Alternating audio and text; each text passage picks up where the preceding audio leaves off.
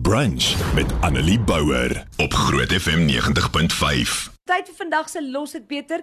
Ons probeer so 'n bietjie fokus op mense, individue, organisasies wat probeer om 'n verskil in hulle gemeenskap te maak, uh, daar waar daai klein dingetjies dalk juis 'n groot verskil kan maak. En vandag gesels ek met Deedrey van Helsingen.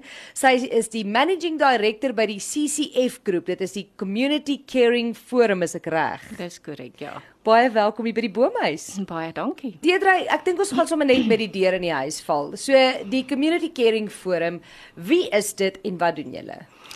Die Community Caring Forum het ontstaan so 5, 6 jaar gelede nadat ek lank op my bank gelê het en gedink het en gesê het wat gaan ons doen om ons gemeenskap te verander. Ons sypaadjies val uit mekaar uit. Ons hele buurt is besig om agteruit te gaan. So ek het daar daai tyd besluit om die organisasie te begin. Intussen het ons dit verander na 'n nuwensgewende maatskappy.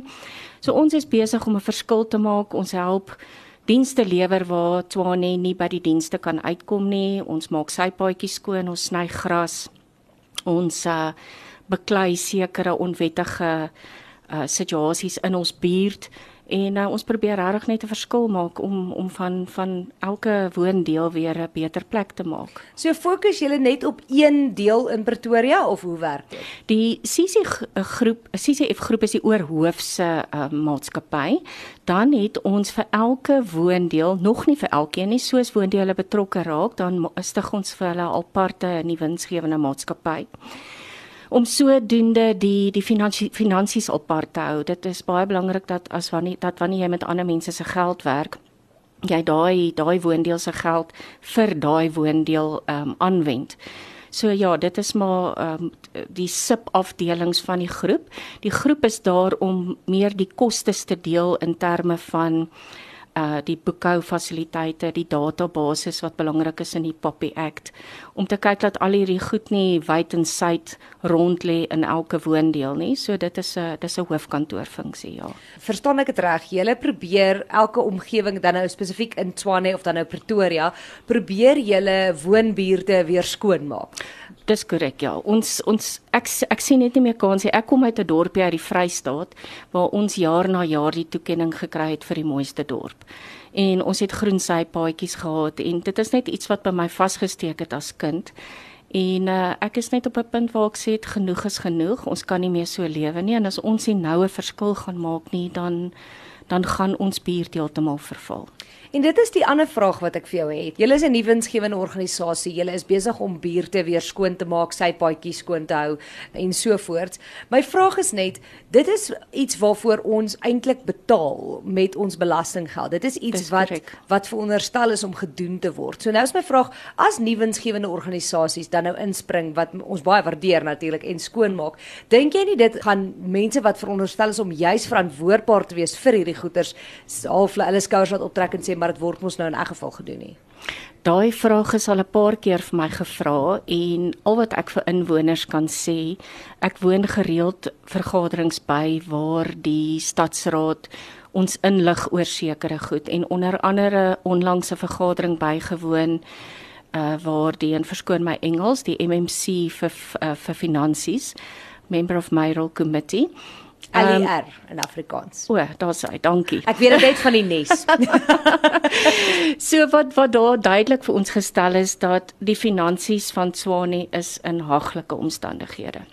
So ons is terwyl ons beklei vir hierdie dienslewering, moet ons intussen aangaan om skoon te maak want as ons net gaan agteroor sit en wag dat die finansies eendag gaan herstel, gaan dit nie gebeur nie. Ons het so rukkie terug het ons 'n uh, onderhoud gehad toe uh, Solimisimanga nog die burgemeester was en ons met hom gepraat en waar hy ook vir mense probeer verduidelik het dat ja, die DA was op daai stadium in bewind van van die stad, maar hulle het probeer om alles reg te maak wat wat voor dit verkeerd geloop het en en hy het ook toe gesê mense verwag 'n skielike omswaai, hulle verwag 'n skielike verbetering, maar daar is nie geld nie, daar is nie toerusting nie, daar was nie goeie bestuur nie. So al hierdie strukture moet weer in plek kom. Is dit basies wat julle dan sê, hier's waar ons inkom en ons begin net so 'n bietjie van hierdie las ligter maak. Dis korrek, ja. Ek dink dit is baie belangrik dat die gemeenskap moet saam staan.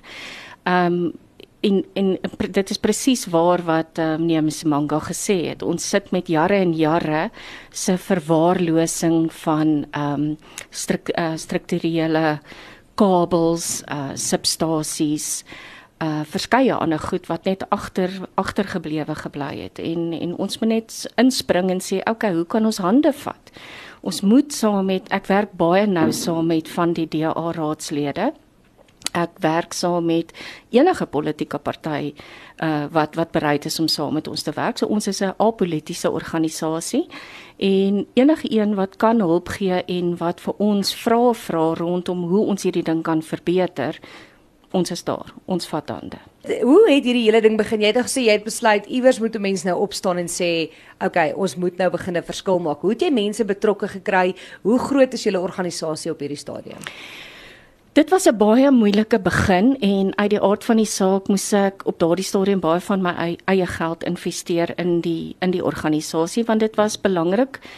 Ek het ek het bly glo dat wanneer ons die eerste projek suksesvol afhandel, dat dit sal groei, dat mense dit sal raak sien. En ons eerste groot projek uh, was toe suksesvol en dit was op die hoek van ehm um, Garsfonteinweg en Rubenstein weg, road. nie seker of hy road of wat noem mense hom nie. Daar het ons uh, stormwaterdreine skoon gemaak. Ons het lang gras gesny en dat ons maar ons borde uitgesit om te sê dis wat ons doen en ons webblad was is was toe reeds aan die gang en mense kon raak sien wat ons doen en so het mense ons begin bel en sê ja, baie dankie vir alles wat julle doen. Hoe kan ons betrokke raak? En so het ons begin personeel aanstel wat meer werk kan doen en ja, ons groei elke maand. Ons is nog nie baie baie groot nie. Ons sit in Moreletta Park met nou ongeveer 500 lede. Uh Mooi Kloof Rif Estate het aangesluit. En dan woon ek 'n hele paar ander vergaderings het ek nou onlangs bygewoon wat nou nog nie vasgemaak is nie. Maar ek dink mense begin besef dat ons gaan self moet inspring en dinge doen Wat beplan julle vir die toekoms? So op hierdie stadium, soos jy sê, julle maak sypaadjies skoon, julle sny die gras, julle probeer ehm um, die plek skoon hou. Hoe wil jy hê moet hierdie organisasie groei? Wat wil jy hê moet julle kan doen in die toekoms? Ons ons is op die oomblik besig om te kyk na uitvoerende komitee aan te stel, mense met met uh die regte, ekskuus weer Engels skills. Um wat basies op dieselfde vlak van Tswane is met hulle dienslewering. So as ons kyk na 'n persoon wat kyk na elektrisiteit retikulasie, dan het ons 'n inwoner nodig wat weet van elektrisiteit retikulasie en so met stormwater en so met uh, environmental. Al hierdie om net te sê mense, ons is bewus van wat julle doen.